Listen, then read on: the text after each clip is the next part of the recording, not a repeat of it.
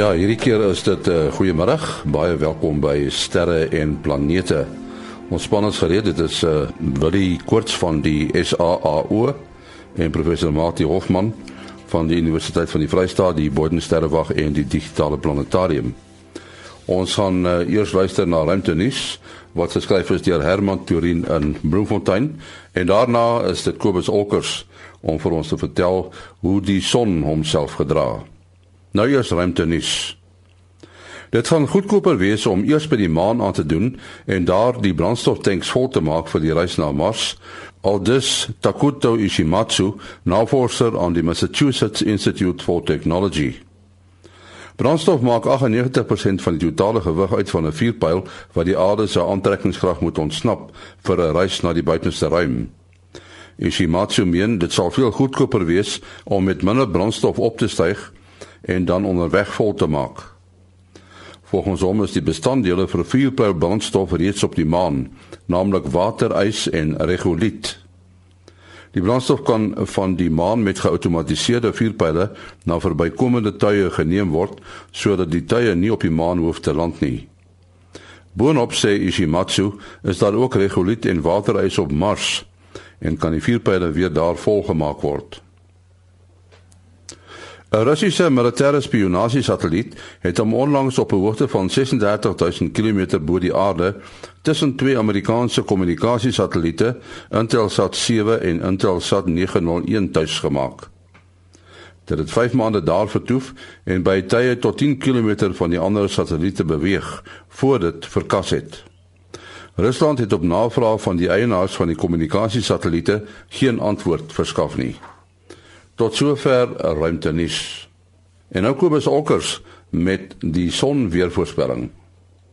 Uh wel hier in die in die uh warme Florida ehm um, is dit nou besig om winter te raak en ons sê ons dae is hier so in die in die orde van uh 27 na 29 grade heerlik koel.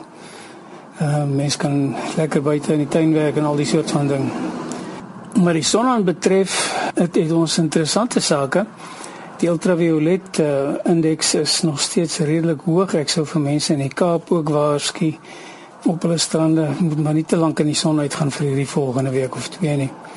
Ehm um, by son self aan betref, ons het drie aktiewe areas waarvan twee van hulle baie kompleks is en nog een het 'n kans om uh, sy kompleksiteit te intensifiseer op die oomblik is hy is hy 'n massiewe groot diepool maar ons het 'n paar van die oudjies wat noordpool uh suidpool wat omring word deur 'n noordpool en dan weer omring word deur 'n suidpool.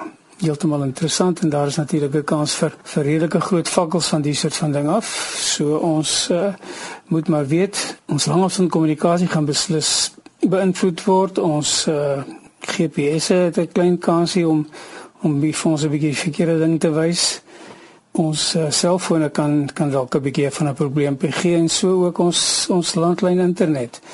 Die mense wat gelukkig is om vesel te hê, het nie 'n probleem nie, maar die van ons wat nog met koper wat by huis aankom, is dit 'n is dit 'n potensiële probleempie. Dan het ons nog iets, uh, redelike groot korona gehad, eintlik 'n lang maar ene wat ongelukkig redelik uh, negatief georiënteerd is. So die sonwind wat by hom uitgewaai word, het 'n probleempie in die, in die sin dat dit stuur vir ons 'n negatief gerigte veld na die aarde toe en as hy hier aankom dan maak hy die aarde se se veld swakker.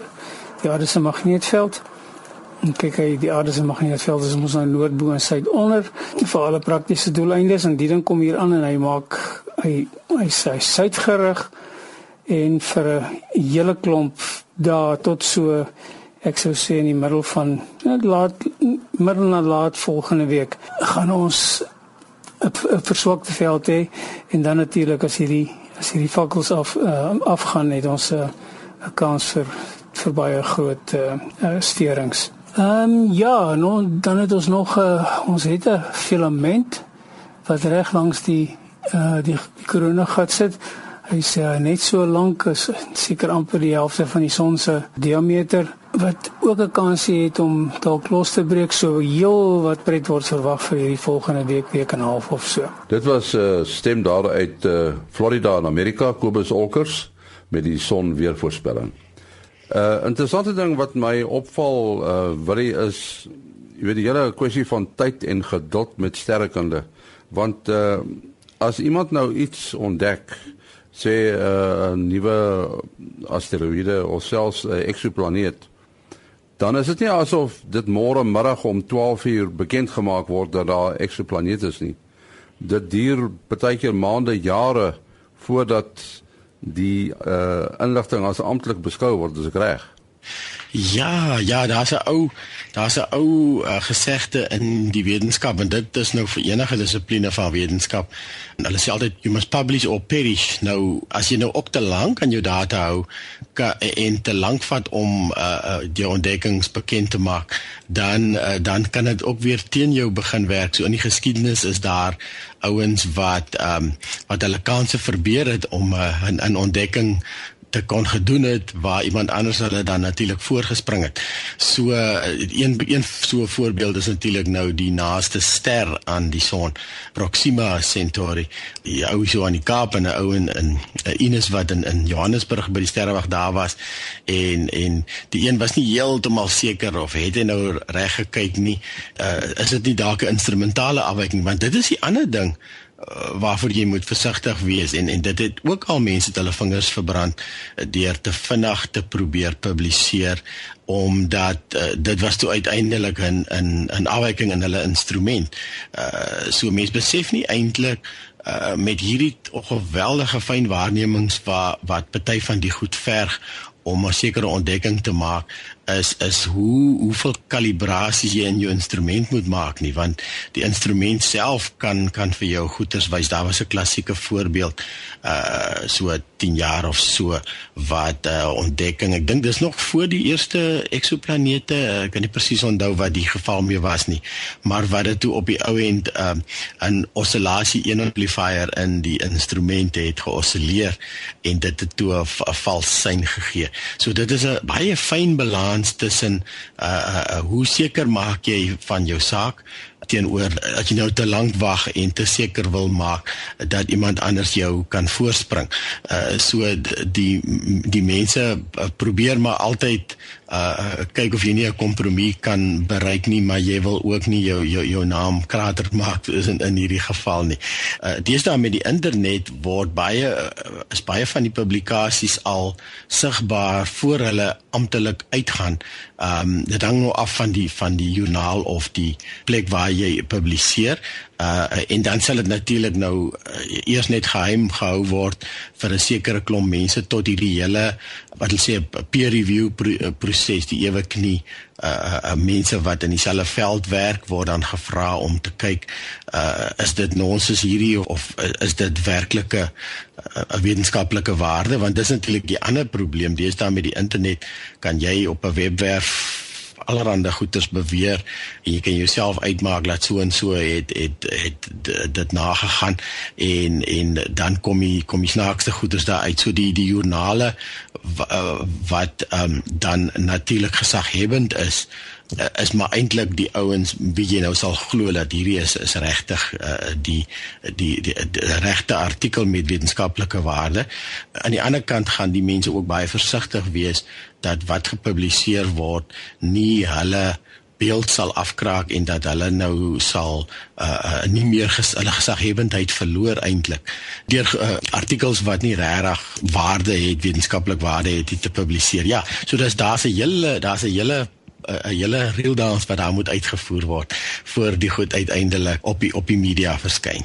Uh en nee, as as ek nou kan daarso uh, byvoeg by die geduld wat baie keer nodig is. Dit is nou hierdie maand, uh, Oktober uh, 2015 is dit nou net mooi 20 jaar na die eerste ontdekking van 'n eksoplaneet met die sogenaamde Doppler of radiale snelheidsmetode. Uh so in 20 jaar het nou nogal baie gebeur vandat daardie een eerste ontdekking gedoen is. Maar voor dit het die mense vir eeue lank basies gewonder daaroor. Is daar ander, hulle het nou maar gepraat van other worlds, ander wêrelde. Uh en dit kan so ver teruggevat word soos Epicurus uh 300 voor Christus. Uh en later uh, Bruno uh, meer as 400 jaar gelede uh so vir eeue en eeue die mense gewonder en gedink hieroor maar dit was net buite die uh, vermoë van waarneming, heeltemal buite die uh, vermoë en skielik in ons tyd het dit moontlik geword en net die afgelope ongeveer 'n jaar was daar 'n verdubbeling in die aantal eksoplanete waar wat waargeneem is veral danksy die Kepler teleskoop. Maar nou as jy nou na die Kepler teleskoop kom jy praat oor geduld, wel die Kepler teleskoop was gelanseer spesifiek om uh, nadat hulle nou bepaal het daar is baie eksoplanete om dan nou verder meer spesifiek te gaan vra maar wat van aardagtige planete, planete min of meer die grootte van die aarde in die sogenaamde bewoonbare sone. So vir daardie projek, dit was nou maar 'n spanpoging, moes daar nou ook weer die geduld wees, daar moes 'n teleskoop gebou word, hy moes die, die geld moes gevind word, hy moes die ruimte ingestuur word. En vir elke ontdekking met die met die sogenaamde transit metode wat hulle onder andere daarby uh Sutherland ook gebruik op die uh, een teleskoop. Uh en dit gaan daaroor dat 'n planeet as hy gelukkig is voor sy ster in beweeg en dan maak die ster se lig 'n klein dip. Maar voor daardie ontdekking van 'n eksoplaneet met die transit metode wat die dip in die lugkromme maak, erken kan word moet dit 3 keer waargeneem word. Met ander woorde, as jy iets soos die aarde sou wou ontdek, moet jy ten minste 3 jaar lank kyk. En as jy 'n planeet sou wou ontdek wat 'n 2 jaar periode het, sou jy ten minste 6 jaar lank moet kyk. En dan word dit maar eers as 'n kandidaat erken en dan moet dit weer deur ander metodes vanaf die aarde af bevestig word. En dit is verkieslik as die transit metode byvoorbeeld aangevul word met die uh, Doppler metode. Maar uh, deur geduld uh die geduld het geseëvier en net in die afgelope jare die aantal uh bevestigde eksoplanete neete gegroei van so ongeveer 1000 na uh amper 2000. Ja, Mati, jy uh, het uh gepraat oor hierdie geduld en so voort en wil jy ook daarna verwys hierdie valsyn wat baie keer deurkom.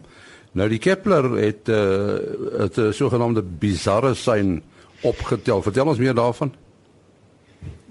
Ja, dit, dit is nou uh, nog 'n opwindende uh, ontdekking. Nou as mens praat van 'n sein wat die uh, Kepler teleskoop optel, dan uh, verwys mens nou na daardie en hierdie helderheid van 'n ster, baie akkuraat. En die Kepler teleskoop uh, het die helderheid van 150 000 sterre gelyktydig gemeet vir 'n tydperk van meer as 3 jaar en hy was dan ook in die ruimte in 'n in 'n baan ver vanaf die aarde sodat hy nie gehinder is nie. En om hierdie effekte te kan optel moet jy hierdie fyn akkuraatheid meet en as jy gelukkig as jy miskien 'n 0,1% verandering in die helderheid sien wat die ster dowwer word, mens verwys daarna nou as die lig kromme.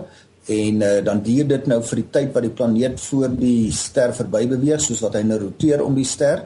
En uit die grootte van die effek en die tydsduur uh, kan jy iets aflei oor die snelheid van die, die uh, van die planete en sy grootte en die tyd wat dit vat vir die uh, effek om weer 'n keer waar te neem uh, is dan die tyd van die of die periode van die omwenteling.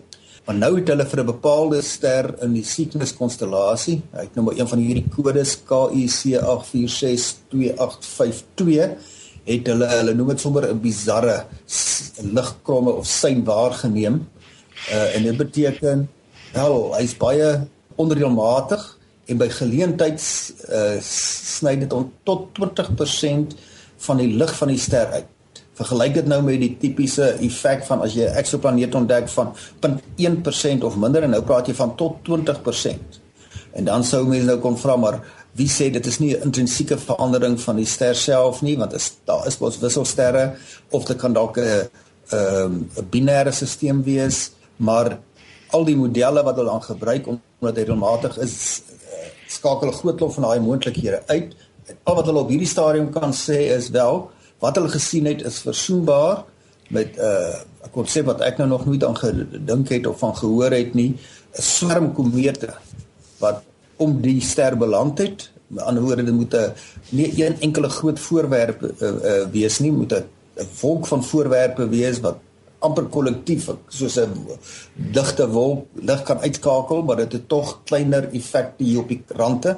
Of en dit is nou sommer baie spekulatief maar net om te wys wat in beginsel met die tegniek moontlik sou wees uh, is dit ook versoenbaar met 'n megastruktuur wat gebou sou kon word deur 'n baie gevorderde intelligente samelewing wat 'n groot struktuur 'n kolossale struktuur eerder uh, gebou het in 'n baan om die ster en wat dan nou 'n deel van die ster se energie kan opvang en sê nou maar na elektrisiteit omskakel. Hoekom hulle dit nou nie op hulle planeet self sou wou doen nie, dit weet ek nie. Partyke hulle sou dalk ook van die ster se lig wou afskerm as dit te warm is.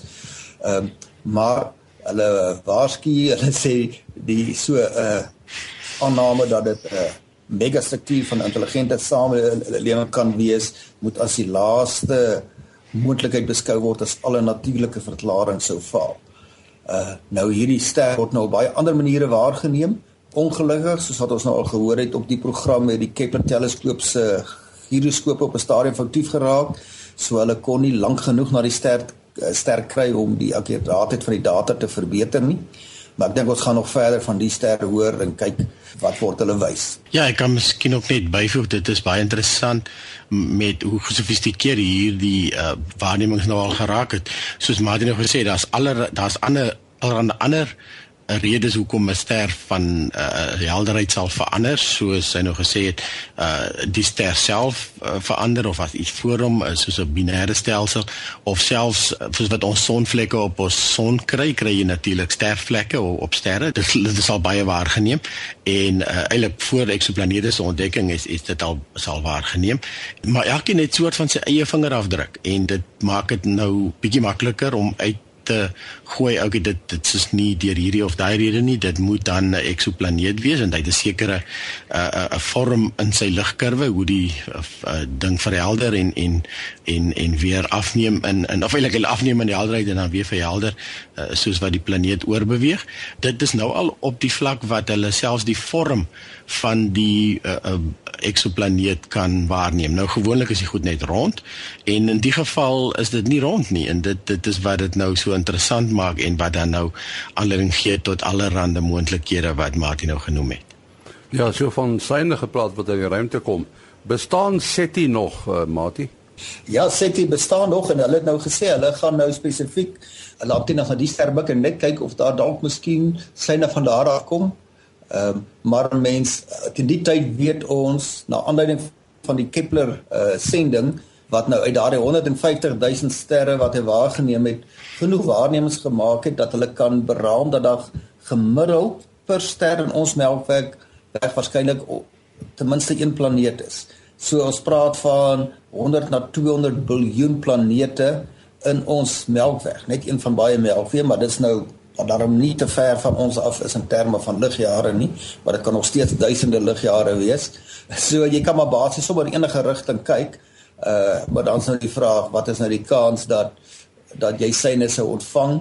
Dit is vra daarom baie uh baie ontwikkelde samelewing om kragtig genoeg senders te hê en om nuuskierig genoeg te wees en om die motivering te hê om baie geld te spandeer om 'n sein die ruimte in te stuur sonder vir realistiese verwagting dat hulle in 'n eie leeftyd 'n uh, antwoord terug sal kry. Maar daar's mense wat bereid is om om hierdie waarnemings te doen en ons maar liewers nie sê hulle gaan nooit iets waarneem nie, dan word ons verkeerd bewys in ons eie leeftyd.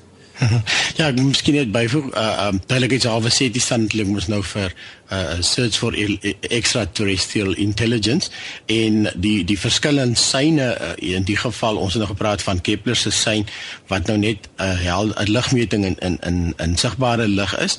Uh die syne wat SETI natuurlik na kyk is radio uitsendings. So dit is dan wat Martie gesê het, hulle wil nou dalk kyk of daar nie enige radio-uitsendings van van die stelsel afkom wat moontlik sal dui op intelligente lewe nie. Ja, mens kan van die radiosyne gepraat as mens nou gaan kyk na die eksoplanete wat ontdek is, dan daar 'n hele klomp eksoplanete in die uh, afstande van kleiner as 100 ligjare van ons af.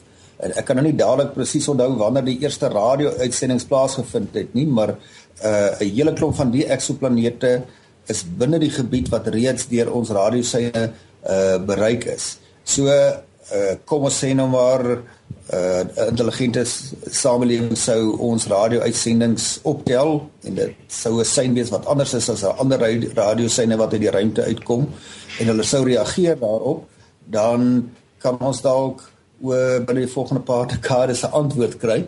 Uh dis 'n beginsel moontlik, maar dit is uh seker baie onwaarskynlik. Ja, ons moet nou sê dat radiosyne trek teen dieselfde spoed as lig, né? ja, ja, presies. Ja, die die intensiteit nê nee, neem baie af soos wat die afstand groter word. So hoe verder die voorwerpe van jou af is, hoe dowwer dowwer gaan die uh intensiteit word en dan moet jy al groter en groter antennes hê. So as jy nou regtig syne wil ontvang van die ander kant vanaf die Melkweg uh van deur 'n intelligente samelewing gemaak is, dan gaan jy daarom ons saglike groot uh, antennes nodig hê en ek dink dis hoekom hulle graag daardie uh, groot radioskottels ons by Arecibo Willie.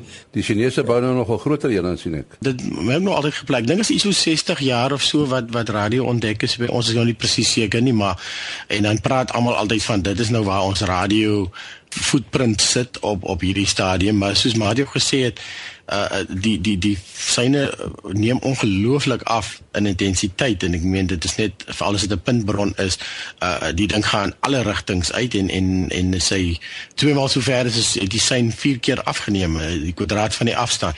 En en uh so hoeveel werklik van daai eerste dan word mense gepraat van TV uitsendings en goeders en en die antennes is mos nou juist so gebou dat hulle nou uh, om die energie verder te kry, rig jy jou antennes en en hoeveel van daai uh, radiosyne het regtig die atmosfeer verlaat uh en uh, wat 'n uh, hoe sterk was hulle of hoe swak was hulle toe nou nog gewees. Maar uh, niks is onmoontlik as 'n mens 'n sterk genoeg ontvanger op die ou end het nie. Ja, jy praat so, dit is my nog net baie merkwaardig dat die Voyager wat nou al baie ver buite ons uh, sonnestelsel is, ehm um, die het net 'n 60 watt sender en hy saai terug na die aarde toe uit en die ouens hoor hom. Ja, ja, ongelooflik en natuurlik het jy nou weer 'n gerigte antenne. So die meeste van daai 60 watt uh kom daarom aarde se kant toe, maar teen die tyd dat hy hier kom, het hy al oor 'n baie baie heel heel klompie aardes versprei. As jy net dink aan die laserstrale wat hulle na die maan toe stuur op die afstand van die maan, 400 000 km, het uh, daai laser wat mos nou nie eintlik bekend is dat hy uitsprei nie, het hy al al selfs oor 'n hele paar honderd meter versprei. Uh om en dan natuurlik is daai seentjie nou terugkom vanaf daai weerkaatsers wat hulle daar gesit het, dan is dit baie baie min uiteindelik wat uh, die stelsel byvoorbeeld waarmee Louis Barend se destyds betrokke was. Ja, ja, ja ek kan nou uh, net, net noem die jy het nou uh, Voyager verwys hè nie, maar Voyager is nog nie eers Voyager 1 is nog nie eers een ligdag ver nie. en ons naaste ster is 4 ligjare. So mense sal nou 'n uh, berekening kan gaan doen. Dalk moet ek en wil dit uh, probeer en uitwerk hoe groot moet 'n antenna wees op 'n planeet by Alpha Centauri, ons naaste ander ster behalwe die son, om sterre en planete te kan opvang. Dit sal waarskynlik amper so groot soos die planeet self moet wees. Ja, net net so heel kort, uh, Mati. Uh, ons moet dit net duidelik maak. Daar buite kry ons nou sterre wat nou sonne is en jy kry planete. Nou as daar sprake is van lewe, sê jy nooit eintlik lewe op 'n ster kry nie, maar meer op die planeet. Ja nee nee, 'n ster is 'n uh, is het nie 'n soliede oppervlak nie, dit is in elk geval geweldig warm. Die oppervlaktemperatuur van sterre wissel van 'n paar duisend tot 10000 grade Celsius. Ons sonsin is so hier by 5500 grade Celsius. Uh so ons praat van op planete, dis hoekom hulle eksoplanete soek, maar dit sou kon dalk ondergronds wees. Ek, uh, ons weet uh, soos wat ons laasweek gehoor het toe Eksta van Heerden op die uh, program was dat uh, lewe is meer gehard of dat mens 'n sekere vorms van lewe uh en is moontlik in baie ekstreme omgewings waar daar nie eens sonlig is nie. Ehm um, so mense moet bietjie oper dink daaroor, maar mense dink dan moet 'n habitat wees en dan moet sover as wat ons enigstens weet, moet daar vloeibare water wees of ten minste 'n bietjie vloeibare water. So mense soek plekke waar dit moontlik is. En net so laaste opmerking, ek onthou Japie van Sail het gesê, ehm um, as ons nou so van snelheid praat, die tipiese snelhede wat uh, ruimtetuie om die aarde wentel, dit is so 29000 km per uur. Nou as jy die snelheid vat en uh, jy uh, wil 'n tuig na Alpha Centauri toe stuur, dan gaan dit jou 80000 jaar vat om daar te kom. So jy moet geduld hê. of 'n of 'n baie 'n baie groter vuurpyl. Goed, uh, Mati, jou besonderhede. Uh, selfoonnommer 083 625 7154. 083 625 7154. Wil jy? en 0724579208